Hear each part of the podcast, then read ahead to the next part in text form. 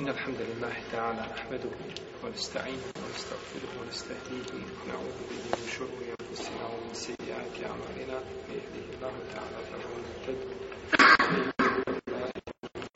وأشهد أن لا إله إلا الله وحده لا شريك له وأشهد أن محمدا عبده ورسوله وصفيه من خلقه وخليله أما بعد فإن أصدق الكلام كلام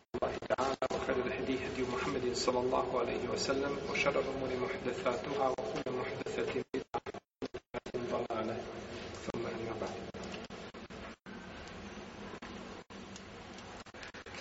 čovjek doći do Allahovog te barake od tada zadovoljstva osim preko takve bogobojaznosti i preko mehabbeta, mehabbetullah i da voli stvoritelja ljubav prema Allahu te barake je osnovni rukn njegovog ispravnog vjerovanja.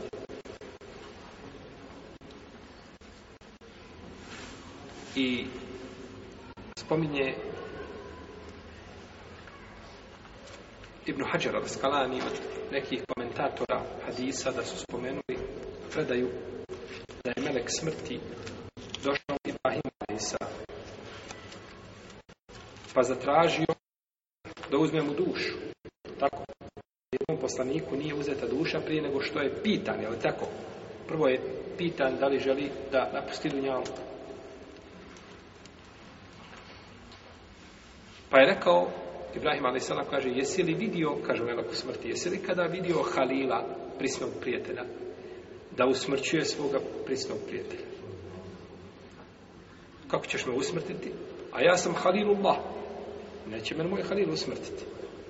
Pa mu kaže, pa je Džibril alaih sam otišao stvoritelj pa mu kaže je Allah, idi i pitaj Ibrahima alaihissalam a jesi li ikada vidio Halila da mrzi da sretne svoga Halila? Kaže, al ane bil kaže, sada je odmah uzimaj. Sada mi uzimaj duš To je ta ljubav prema stvoritelju Tebara Keotala koju mu'min ima u svome srcu, koju gaji u svome srcu. Ali ljubav roba prema stvoritelja za ođel sama po sebi nije dovoljna. Nikoga njegova ljubav prema Allahu, ma kolika ona bila, neće uvesti u dženet. Taman da ta ljubav bila neizmjerno velika i prelazila ovaj običaje koji su kod ljudi, neće čovjek uvesti u dženet. Niti će mu koristiti na sudnjem danu.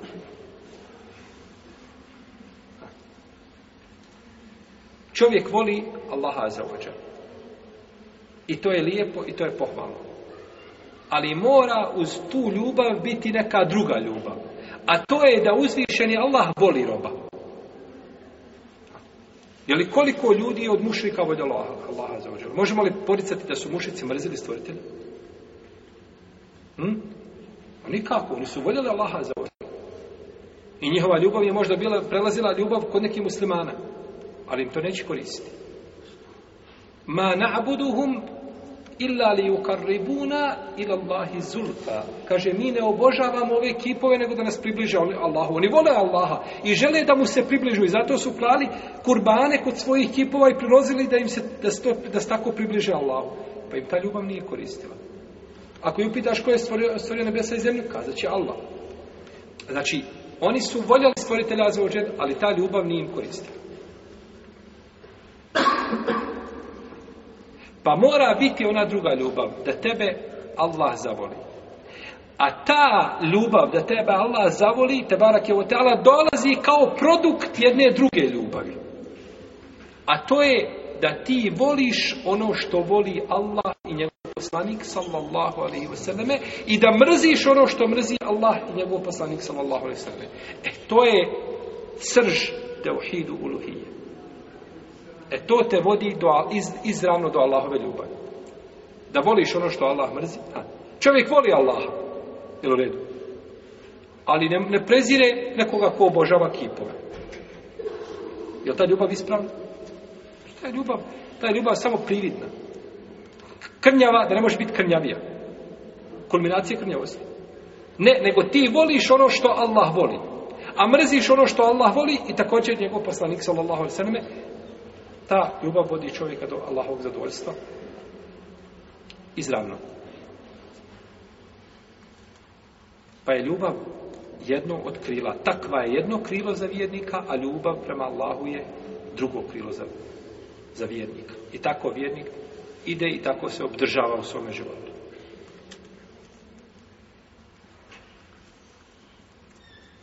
U protivnom, samo voljeti Allaha te barake emotivno, a da čovjek ne zna šta mu je uzvišen Allah naredio i šta je zabranio da se toga pridržava, to mu neće znači koristiti. A naročito ako ne voli ono što je Allah naredio da se voli ili ne mrzi ono što je uzvišen Allah te barake naredio da se da se mrzi.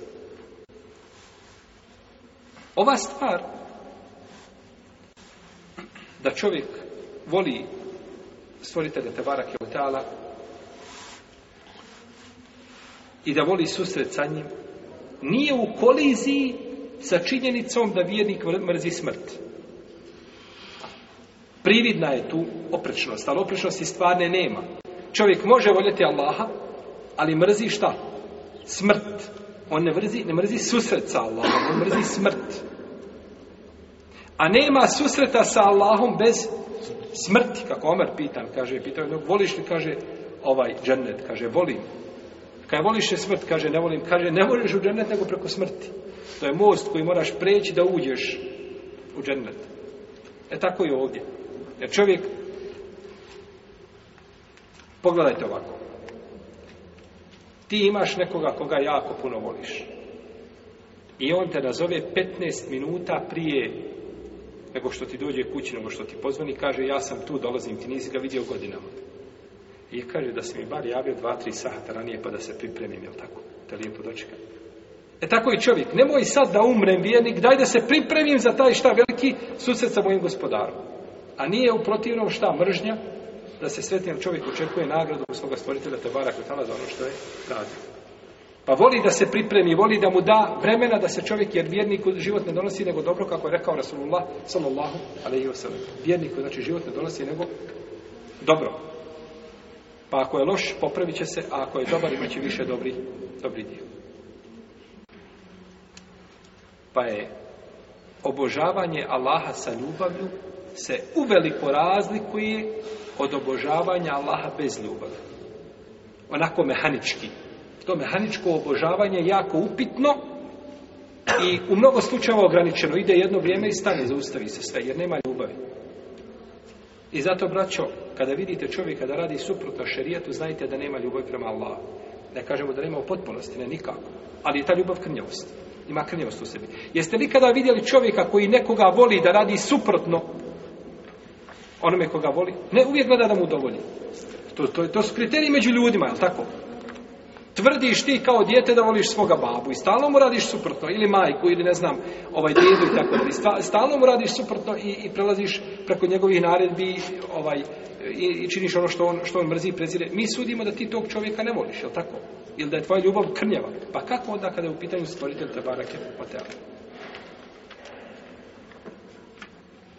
Pa je čovjek obaveza da pogleda sebe i gdje je on u te ljubavi. Je li njegova ljubav zaista onako kako uzvišenje Allaha ođele traži ili je to ljubav koja je samo znači prividna i koja neće dati pravi rezultat.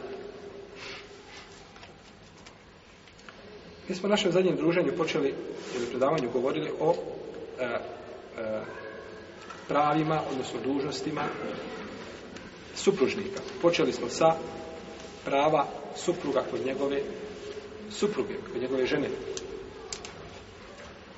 Pa smo spomenuli da mu se pokorava, spomenuli smo da ne izlazi osim uz njegovu dozvolu iz kuće i spomenuli smo znači ono o čemu smo govorili podrobno ranije da mu se pokori znači ako je pozove u postelju i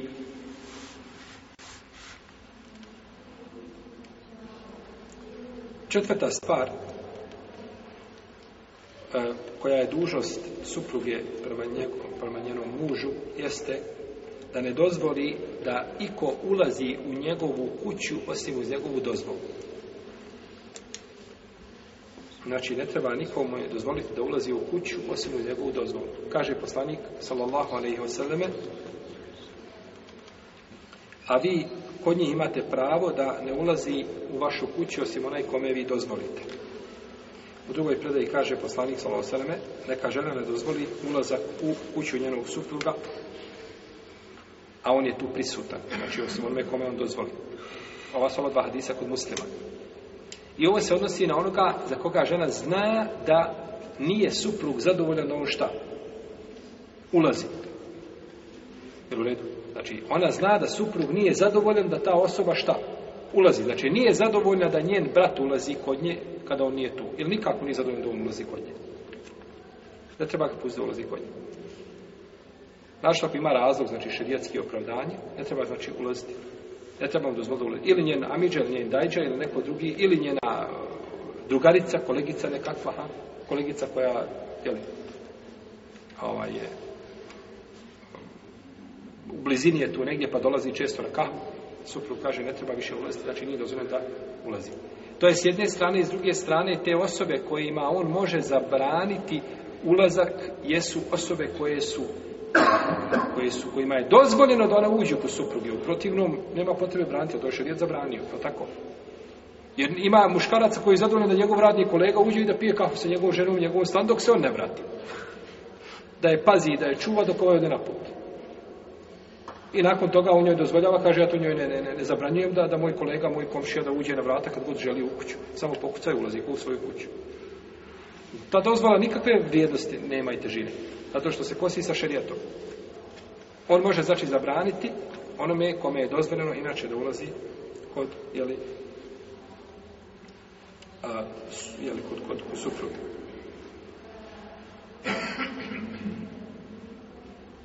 Pa ne smije, znači, nikoga pustiti u kuću, a ne smije iz kuće izlaz, osim što uz njegovu dozvolu. Pa kihi su, braćo, složni da, da, žena ne smije izići iz kuće osim uz dozvolu muža. Tu nema razilaženja. A jednoglasan stav da žena izlazi iz kuće uz dozvolu svoga supruga. Protivnom boravi tu gdje jeste.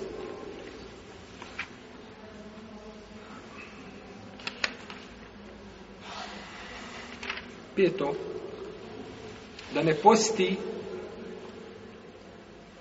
dobrovoljni post, a njen suprug prisutan, osim ako je dozvoli. Taj dobrovoljni post, znači,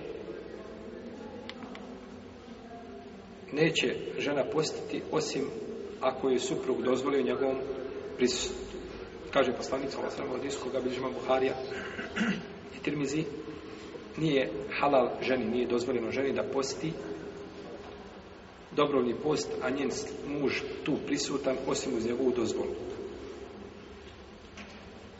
Niti je dozvoljeno da ikome dopusti ulazak u kuću, osim uz njegovu dozvolu.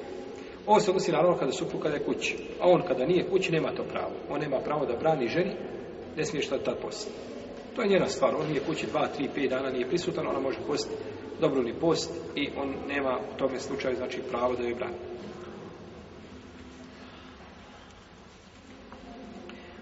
Šesta stvar jeste da ženi nije dozvoljeno da dijeli nešto od njegovog imetka osim uz njegovu dozvolu. Znači iz kuće ne smije ništa davati osim ako je to suprug dozvoli. Kaže je poslanik sallallahu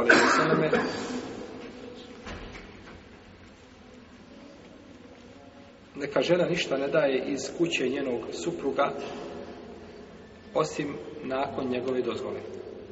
Nakon što on dozvoli, tada se daje. Protivnom, ne.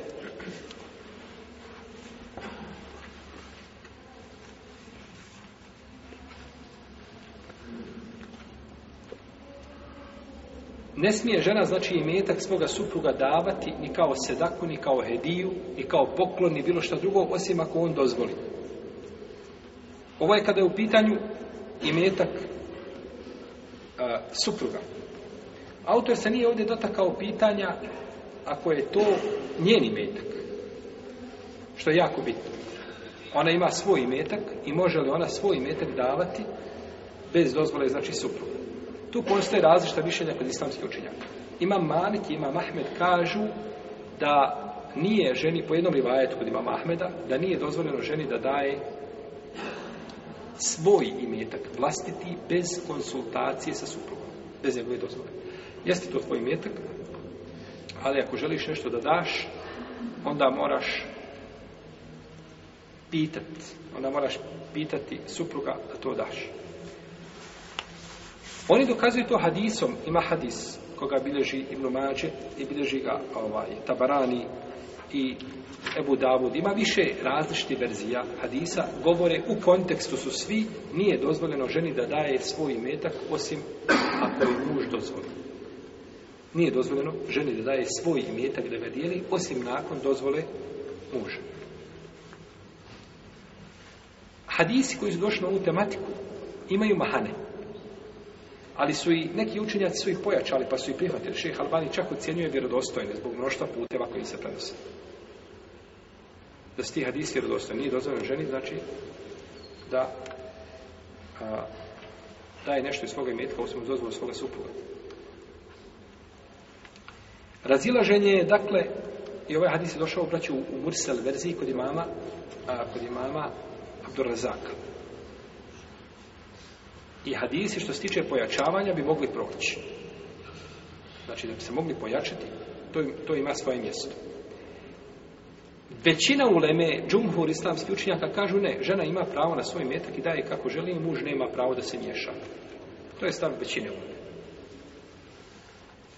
Imamo hadis kod Buharije od Abdullah ibn Mesauda da je njegova žena Zeyneba, čula poslanika sallallahu alejhi da kaže o žene udjeljujte ja sam vidio da ste vi najveći stanovnici, brojčano ste najveći stanovnici u džahennemu pa je došla kući i uzela nešto od svoga imetka, od svoga nakita i ponija ponijela da udjela.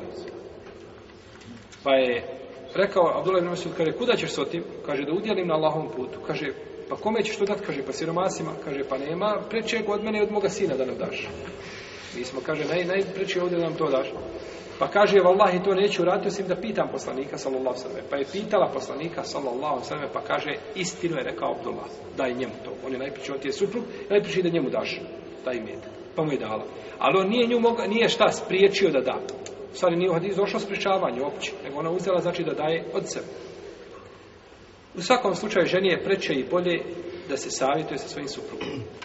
Da kaže, jeste, ja imam hiljadu maraka, ja bi sto maraka dala, ne znam, ima nekakva akcija humanitarna koja se vodi, ima osoba koja je potrebna, ja bi to dala kao sedak i da uzme njegovo mišljenje, to je preče i to je bolje bez imalo sumnje a što se tiče davanja bez dozvole su ili mimo, mimo suprugove ovaj, volje, to je sporno, to je problematično.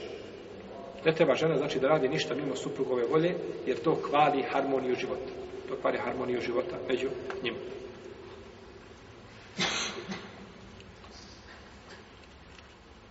Sedma stvar, pravo supruga kod njegove supruge jeste da ga služi, da mu izmet čini,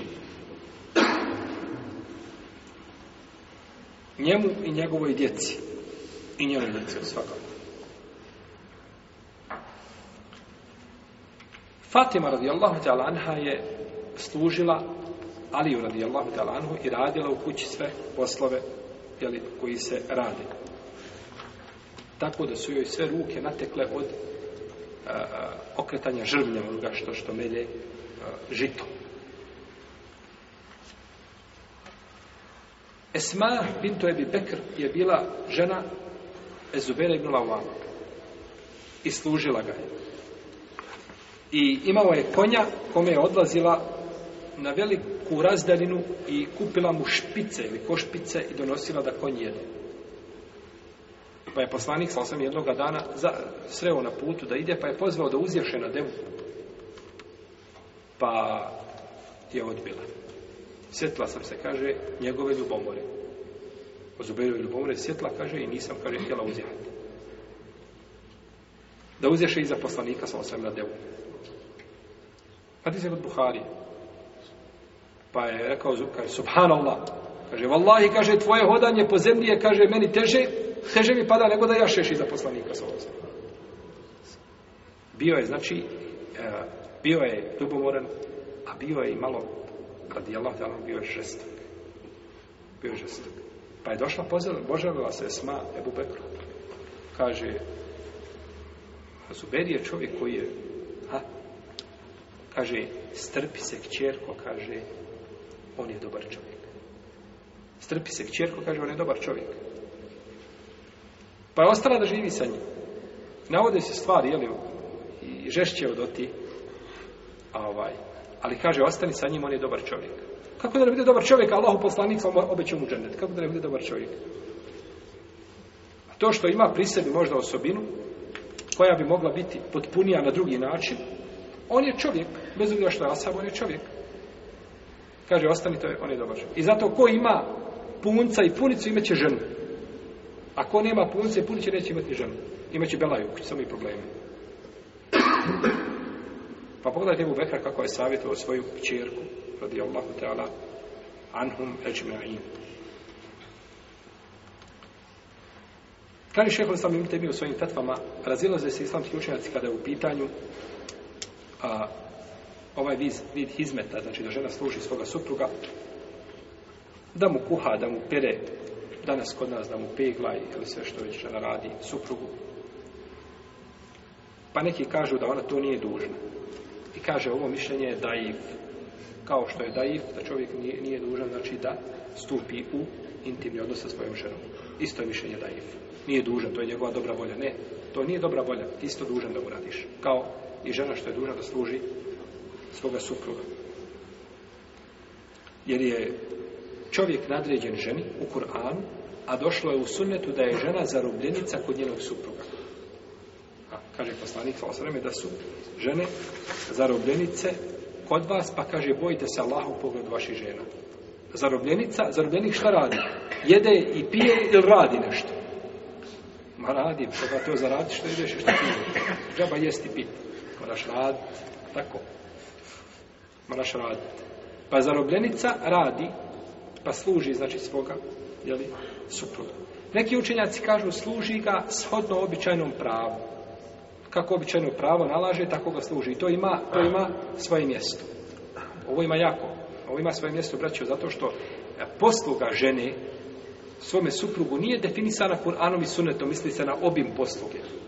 Šta je žena dužna da radi svome suprugu? Nije to definisano, duža je to, a nije duža to. To su ičtihadi. Tada se ljudi vraćaju na običajno pravo. Pa posluga žene, njenom suprugu koji živi na selu, ljudi seljaci žive, nije ista kao u gradu, je li tako? Nije ista kao u gradu. Te u gradu, žena koja radi i zaposlena je isto kao žena koja je cijeli dan šta? Kući svoju i to se razlikuje, tako? Žena koja je bolesna ima problema, ne znam, sa kičmom, sa ovaj, drugom nekakvom bolesti, ima prisim nekakvu bolesti i prepreku da služi svoga supruga, nije ista kao ona koja je zdrava i koja je mlada, jel u redu? Običajno pravo ima svoje mjesto. Znači, običajno pravo ima svoje mjesto i to nije definisano da kažemo jeli, u te detalje. I ovo mišljenje su odobrali Ebu Seur i Ebu Bekri ibn Šebe i Ebu Ishaq, kaže o Zrđani i od Hanabilske ručenjaka i drugi, dok kaže Džumur Uleme. Džumur Uleme kaže da žena nije dužna da služi svoga muža. Ne ima ništa. Pojest, popiti opeglat. Ima živ bio pegla, znaš gdje i znaš gdje je to za peglu. A znaš gdje su košulje nakon što si oprao veš mašinu.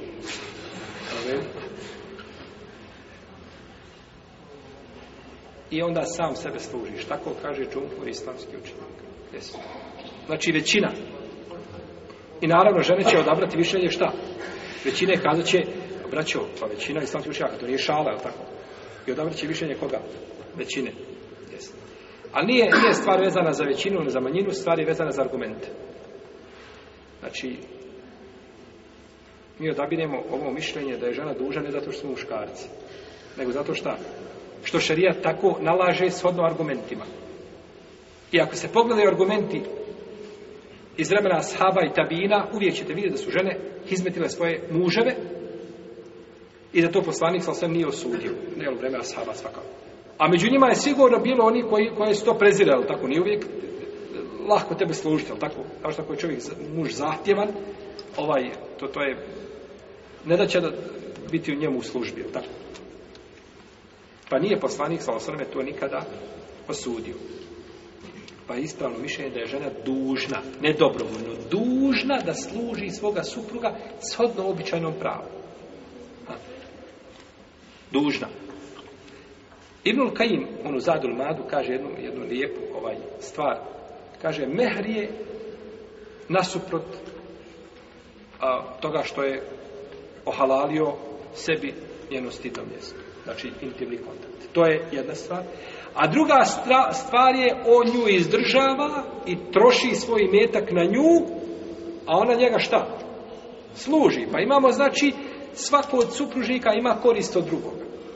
U protivnom, tako vam Allah, kažete mi, kako može harmonija života ići, ti dođeš, radiš deset sati, negdje u kanalu kopaš, ili zidaš, ljeto vruće, i ti dođeš kući, uđeš u kuću, žena sjedi, gleda televizor, sve razbacano po kući, ti gladan ko vuk, kažete, frižider je tamo, jaja su ti tamo, imaš, voliš kuhana, voliš pržena, izaberi se i ti onda hodaš pokojni i pripremaš sebe hranu. Hoćeš da promijeniš odjeću ako nisi prije toga oprao se i popegla, nema šta promijeniti. I živi se, i to harmonija život. Kako bi taj život išao? Nemoguće.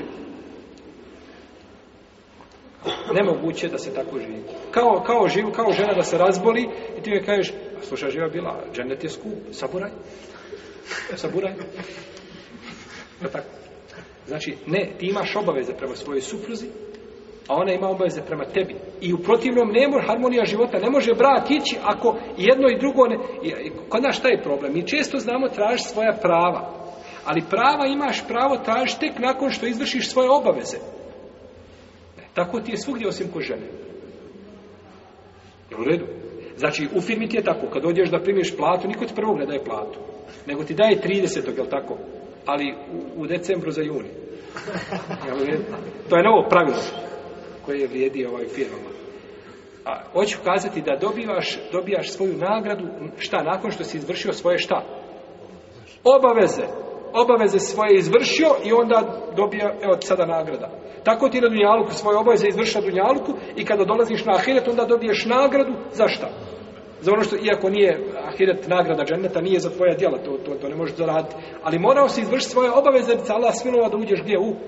U tako tako i u porodici izvrši svoje obaveze prema supruzi i onda je koriš. Slušaj živa bilo. Prema odgoji djece si nemarna Prema meni kao suprugu si nemarna Ružno se ponašaš. Ne znam, ovaj, čujem da ogovaraš druge. Znači ti svoje obaveze izvrši prema supruzi u smislu da je poučiš, u smislu da je odgojiš, u smislu da je obezbijediš sve što je treba i onda nakon toga tražiš svoja prava i kada neće, onda je ukoriš šerijatski i kazniš kao što smo spominjali u prošlom ili pretprošlom predavanju, prošlom, jeli, kako se odgaja žena u redu. Ali prva šta je stvar, ti prvo, ti prvo tražiš prava, sva to neispravno. Jer ti moraš biti u kući kao uzor. A, u kući moraš biti uzor. I to jeste problem kod muškaraca. Žena želi u kući da ima muškarca. Želi da ima drugu, njoj ne treba druga žena. Ona je žensko po sebi. Ona hoće da ima čvrstu mušku ruku. Kad vidi u kući, da ima muškarac. Kad vidi ima sjelica, lampa pre, aj Boga ti, ti vidi, pa za Ja, ja to nisam nikada u životu radio. Pa šta, šta ti predstavljaš u svojoj kući? Bilo kakav problem da se pojavi ženo pa daj vidi, zove ti, molim te, daj vidi, riješi to s nekim. Možeš to nekako svojih kolegica riješiti, a ti ćeš sjediti gledati. Muškarac u kući mora biti muškarac. Ne znate biti muškarac, biti grub, Bože, sačko je. Ali žena hoće da bude, zato je Allah spojio muško i žensko plus i minus. A nije spojio dva plusa kao što ispaju u Vatikanu i gore po Europi, pa laje prave po zemlji neredici. Nego je spojio, znači zna uzvišenje Allah šta treba uze, ima kod žene ima blago, snježnost i emocije, a kod muškarca ima ona druga strana i onda oni bivaju tim i par.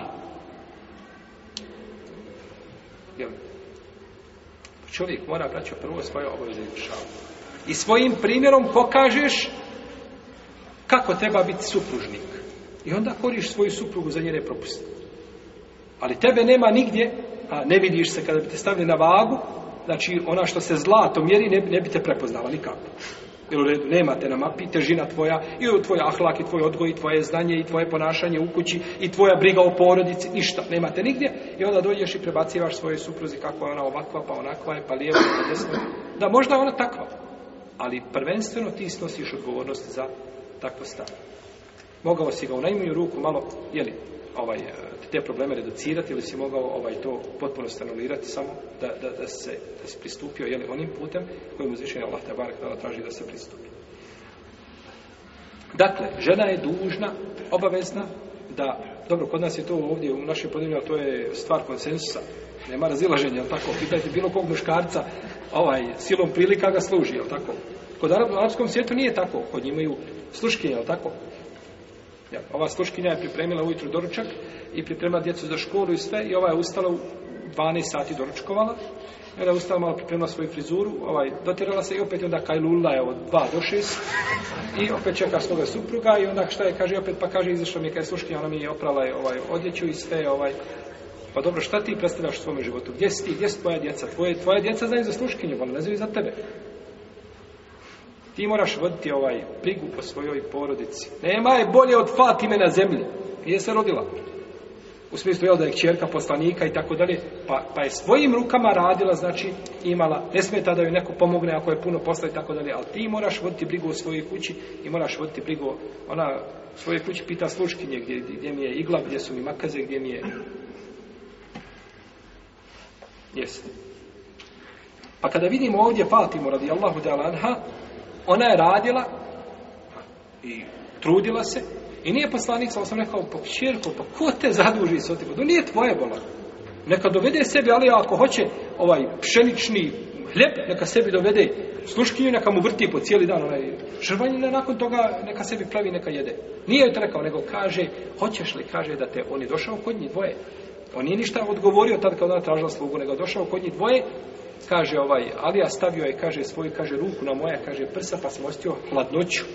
Kaže, hoćete li, kaže, da vam kažem nešto što je bolje. A u jednoj se predaje ovdje se Fatima pokrila po glavi. Bilo je stid, jer oni kada su legli u postelji, onda je došao poslanik. Onda, onda bilo je stid kada je vidio poslanik, on u postelji pa se pokrila po glavi od stida. Pa kaže, da vam kažem nešto što je bolje od toga. Bolje nešto što je bolje od sluge, Kaže, kažete prije spavanja 33 puta. Subhanallah, alhamdulillah, Allahu ekber, kaže, to mi je bolje ste Neki su, čitajući ovaj hadis, kažu, Fatima radijallahu ta'ala je tražila jednu stvar, a poslanik sa osam dao drugu stvar. A, znači, traži jednu stvar, a poslanik sa osam daje šta? Drugu stvar. Ne, nije. Poslanik je sa osam dao stvar koju ona traži. On je dao njoj slugu.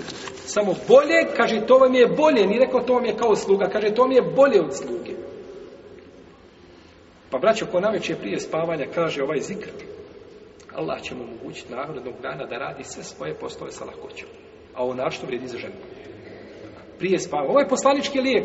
Da je sluga bio bolji od ovoga lijeka, Allahu poslanik bi doveo slugu, on je prema mušicima bio, znači samilostan da neće biti prema svojih čerci.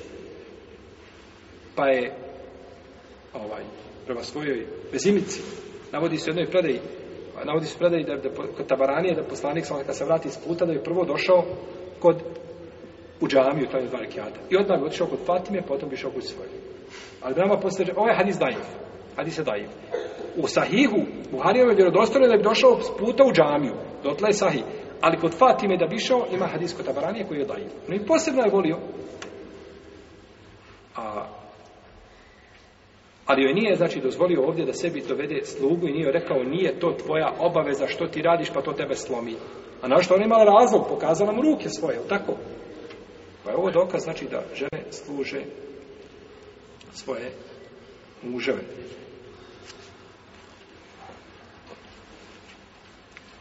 Ali svakako ova posluga, braćo, treba da bude na dobročinstvu i bogobojaznosti. Ne treba čovjek da opterećuje svoju suprugu mimo mogućnosti. Često muškarci kažu u kući nema žena posla. Samo leži i uživa. Nema nikakvog posla. To nije tako. Žena koja ima troje djece ima da objeli u tri godine. Samo si pospremila jednu sobu i otišla u drugu sobu, nisi i počela pripremati ručak, vratila se rada sve onako, prema. Još ako je Allah počasti sa djecom ovaj, a, nemirnom i problematičnom, eto belaje. A da ne govori, znači, sve druge žene ima u svoji jako puno obaveza. I to treba imati čovjek na umu. Ako ne vjeruje u te obaveze, neka preuzme jedno sedam dana brigu u kući, pa će vidjeti. sedam dana uzmi, čišćenje, peglanje, ne znam, ovaj, kuhanje, sve što ima, uzmi pa ćeš vidjeti šta to, samo uzmi tri dana da, da tri puta kuha žena dnevno. Uzmi samo to i probaj pa ćeš vidjeti koliko žena ima posla u kući. Ali često podcijenimo mi taj posao jer ne znamo jer ne znamo šta je to. Kad čovjek kada ne zna, nešto šta je, onda ne možemo ni dati njegovu pravu vrijednost. Oma kadaru Allahe hakka kadrihi. I nisu Allahu dali njegovu pravu vrijednost koju... Zato što ne znaju svoga gospodara, zato nisu dali. A ko zna svoga gospodara, zna ko je te barak. Tako? tako je, u svemu je tako u životu. U svemu je tako jel, u životu. Pa žene su obaveze velike. I stoga čovjek to treba imati na umu. A ako vidi propusti grešku, onda treba prići na lijep način, znači da to popravi, a nikako, znači diktatorski, to nije put i način da se stanje promijeni. Pored toga ne smeta tebi kao suprugu. Čak ti je pohvalno i lijepo da pomogneš svojoj supruzi. Osim ako se bojiš da će to preći u naviku. ima ja, kad sam nekoj braći govorio, kaže, ali to pređi to njima u naviku. Ona. Kaže, se naviknu i onda se ljuti što ti to već nisu radili, to ona vidi ti dalo obavezu. Ne, čovjek je obaveza da pomogne svoje supu poslanike, sallallahu sallam, u svojoj porodici, a kada bi se zaučio ezan, izišao bi iz kao da nikoga ne zna. Samo kad je dok čuje ezan, ostavlja kao da se ništa nije dešavalo, samo ide na sve zaboravio.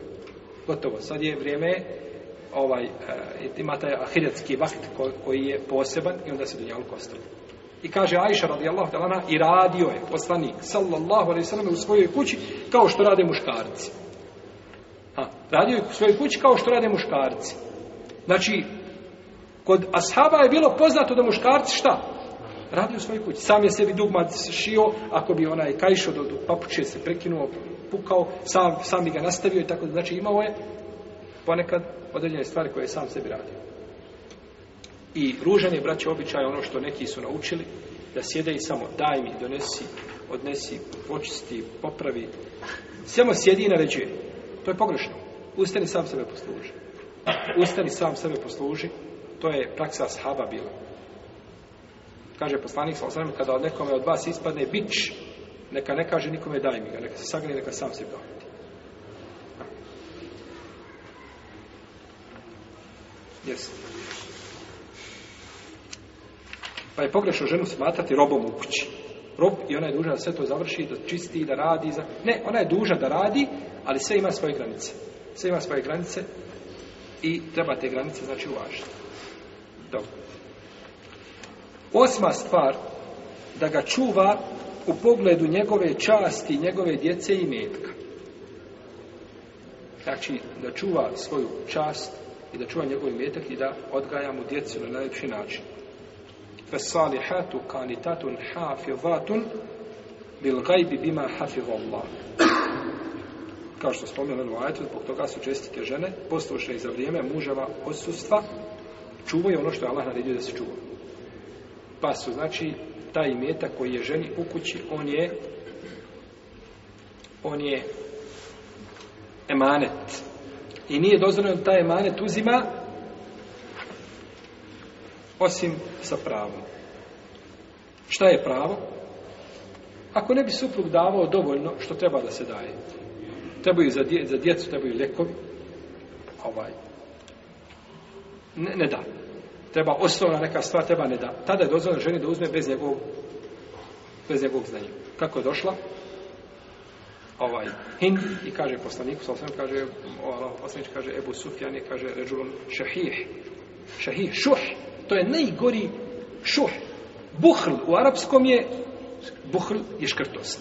A i šuh je škrtost. Samo što se razlikuje Šuh je škrtost i a, materijalna i simbolična.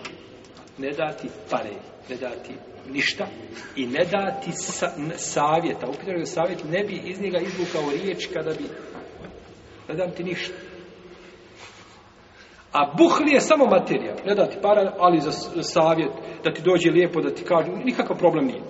A imate nešto je šuh, to je pa kaže innehu ređulom šehiješ. On je znači a, najvećim deređama upao. E to je ljepota arapskog jezika, što možeš kazati riječ u jednom i ona se odnosi što znači ovaj, što, što našem jeziku moraš pojašnjavati, moramo izgubiti minutu, dvije da pojasnimo što znači riječ. U arapskom se kaže riječ i odmah se znači ako je bahil, zna se kako je bahil. Ako je šahije, zna se da je šuh zašto je i na što se odnosi. Pa kaže on je čovjek, kaže uzmi ma je kviki u je bil maruf. Uzmi ono što ti je dovoljno tebi i tvome djetetu shodno običajnom pravu. Shodno, jeli, žene tvoga staža koliko troše, znači nemoj oskudjevati za osnovne stvari, a nemoj ni pretjerivati pa da nakon toga se otvoriš ta vrata pa da trošiš njegovi imetak nepravedno, pa da ti onda budeš Vali me, jel tako, da ti budeš nepravedan. Pa ako on nepravdu činio, ti ne smiješ na tu nepravdu odgovoriti nepravdu, nego smiješ uzeti šta? Samo svoj hak, a ne preko toga. Jesi. Kaže poslanik sallallahu alejhi u hadisu kada je pitano najboljim ženama, kao što su spominjali, kaže ona koja ga čuva u pogledu njegovog imetka i sebe same. To je najbolja žena, čuva mužan imetak. I zato je došla zabrana da dijeli ga bez njegove šta? Dozvole. Čuva znači imetak svoga muža. To je sa jedne strane, to je njeni metak. To je njeni metak. Njen, dakle, njen suprug, a, a, bima fadallahu ba'dahum ala ba'dahu bima anfaku min amwalihim, jer oni troše, Allah je odlikovao jednom na drugima zato što oni troše svoje metke da bi izdržavali.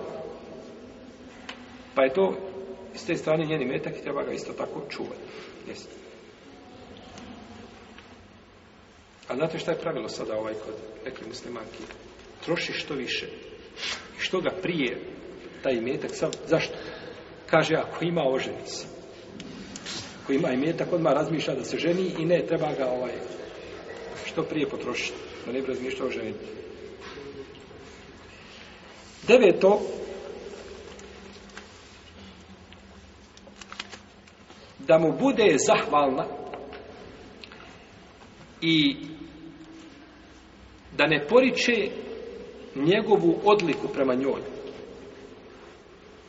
i da sa njim lijepo živi. Znači da sa njim lijepo obhodi Kaže poslanica u alejhi hadisu koga bilježi vam Nesai, neće uzvišeni Allah pogledati ženu koja nije zahvalna svome suprugu, a ne može bez njega. A pazite, a, subhanallah. Kako ovi hadisi uređuju društvo? Kako uređuju porodicu prvenstveno? Neće Allah na sudnjem danu pogledat ženu, ma džabati tvoj hijab, i tvoj namaz, i tvoj post, i tvoja se, džabati sve, nisi bila zahvalna svome suprugu, a ne možeš bez njega. Šta znači? Živiš, on te izdržava, ovaj, u svakom pogledu, znači ovisa si o njemu, i nakon toga mu nisi zahvala Kaže poslanik, sallallahu alaihi vseleme, takvu ženu Allah na sudnjem danu neće ni pogledati. Kod nas je problem jedan što smo mi prihvatili propise prije ahlaka. Prije nego što smo duše odgojili. To vam je kao kad baciš ribu na suhu i kažeš plivaj, biži. Ne može riba nikuda na suhu. Tako i kod nas. Čovjek uđe onako, savije truho iznutra i uđe u propise. Ne, ne. Ashabi su u Medini učili u Meki akidu i ahlak i odgojili se i onda prešli u Medinu i većina propisa je došla u Medini kada su u pitanju ahkjami. I onda je vidiš ko, brda. Jer je došlo na zdrav, u zdravu si zemlju posijao, plodno tlo si posijao temelje islama. Ti posiješ u, u kamen, ništa nič neće.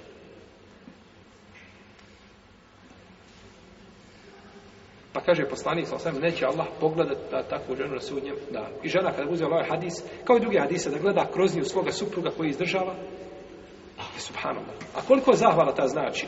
Kad suprug dođe, ode u trgovinu, dođe sa, ne znam, pune one, one, one vreće dovuče sa sobom i tako dalje. Zahvalim, kažem, Allah te nagradio svakim dobro, da nađeš inša u džennetu i ti više od toga. Ovaj, svoju djecu da učiš da budu zahvalni svome babi, jer ta zahvalnost je zahvalnost stvoritelju Tebara da Kaže poslanik sa osvijem, nije zahvalan Allahu, neko nije zahvalan ljudima. Ljudima, komši, petom, desetom, na ulici da čovjek pustio ti rekao, dao ti prednost. A Allah te uputio, Allah te zahvalio, ovisno je ko je šta je. Allah te nagradio. Jeli, Allah te nagradio ulaskom u islam. Zavisno ko je šta je. Dovu mu uputi Allah za ako ne znaš je šta je, Allah te sačuvao zla. Je tako? Ti dozvore doviš da Allah te sačuvao zla. Znači, to je ta zahvala koju ljudi, znači, zaboravljaju često. A naročito kada je u pitanju odnos supruge prema suprugu. I kaže poslanik, sallallahu selleme o žene, kaže, udjeljujte, ja sam vas vidio da ste najveći stanovnici džahennama. Kaže, zašto Allah poslaniče? Kaže, kufur činite. Kafirke ste. Kažu Allah posljednje, kafirke smo u Allaha. Kaže, ne. Kafirke ste u odnos vaših supruga prema vama, odnosno njihovo dobročinstvo prema vama. Jer kufru u arapskom jeziku je, braće, osnovi tagtije, pokrivanje. To je kufr. Kefara znači gata, pokrio je nešto. Pa ona šta radi? Pokriva njegovo dobročinstvo. On radi dobročinstvo, ona pokriva kao da ga nema, a ne spominje ga. Ne, to je vid kufra, znači, on se može prevesti na naš jezik nezahvalnost. Nezahval, znači nije kufr, to onaj kufr, terminološki izlazak iz vjere, to je drugo. Mislim ovdje o kufru, o pokrivanju tih blagodati, ne spominjanju tih blagodati, znači da je nezahvalna svome suprugu i zbog toga, kaže najviše ste stanovnici u džehennemu. Pa pogledajte sad ove hadise, povežite sa onim što spomenuo na početku da je, njoj, da njemu rana od glave do petje pa da liže dok ne zaraste ta rana ne budala njegov pravo.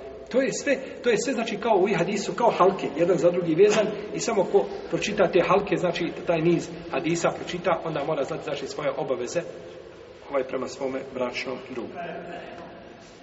Ovo nije ova znači ovo, ovo dobročinstvo, odnosno ovaj ovaj zahvala, ona nije samo jezikom, Zahvala i njenom odnosu, znači da se lijepo odnosi prema svome suprugu. A da njen odnos, znači prema njemu bude, bude korektan i da, da ga ne uznemirava ničim. vrijedi, danas mu se zahvali što ti je učinio nekako dobro, sutra ga ujutru ovaj, uznemiravaš ga svojim jezikom i svojim postupcima i tako dalje. To je, znači, ovdje misli se na zahvalu u jednom širem, znači, u jednom širem smislu. Dalje, da mu se uljepšava to je njegovo pravo podnje, to je deseta tačka. Da mu se uljepšava. I o tome smo govorili, spominjali smo to, nećemo vraćati se na to. Da mu se uljepšava, znači.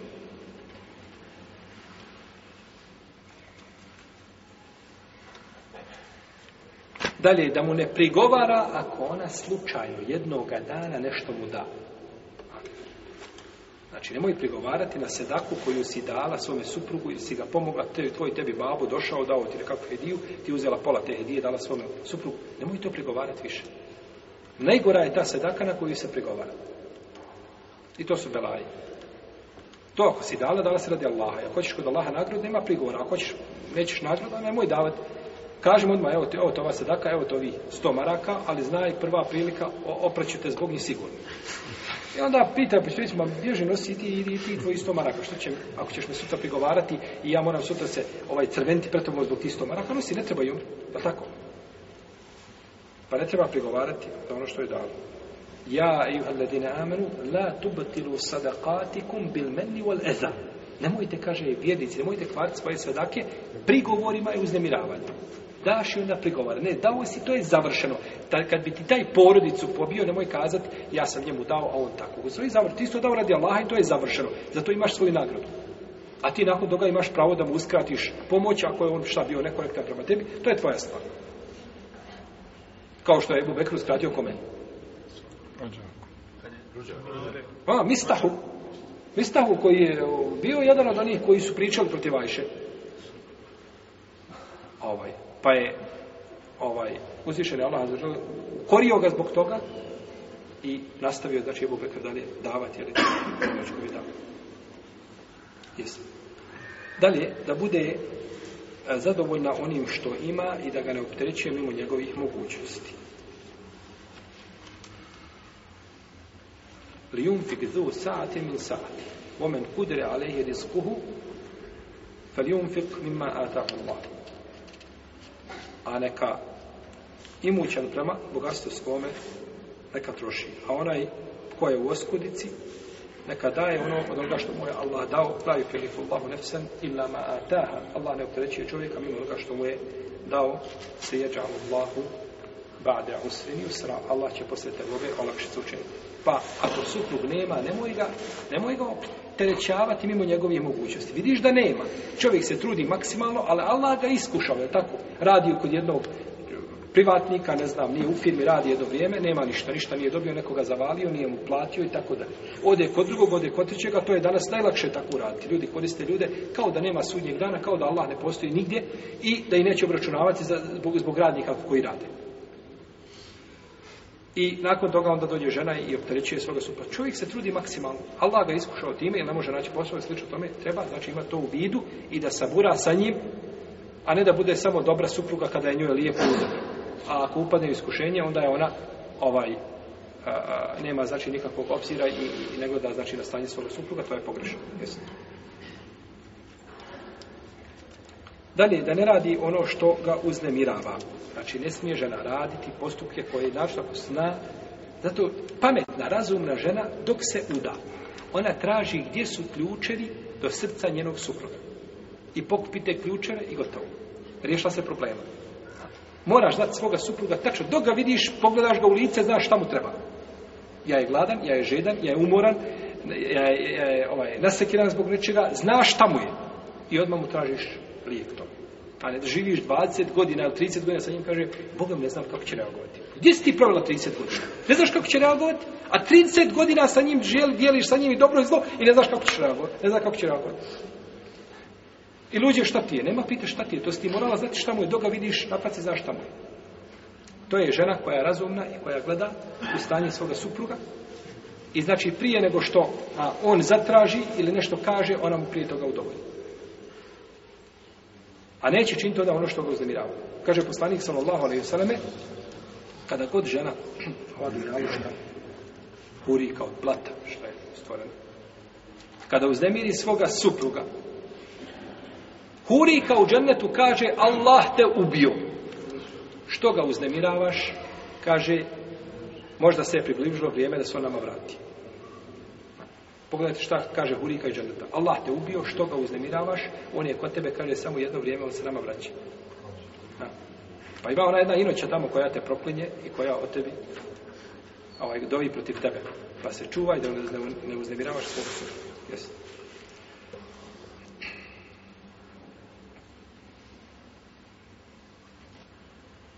Isto tako da se lijepo obodi prema njegovim roditeljima.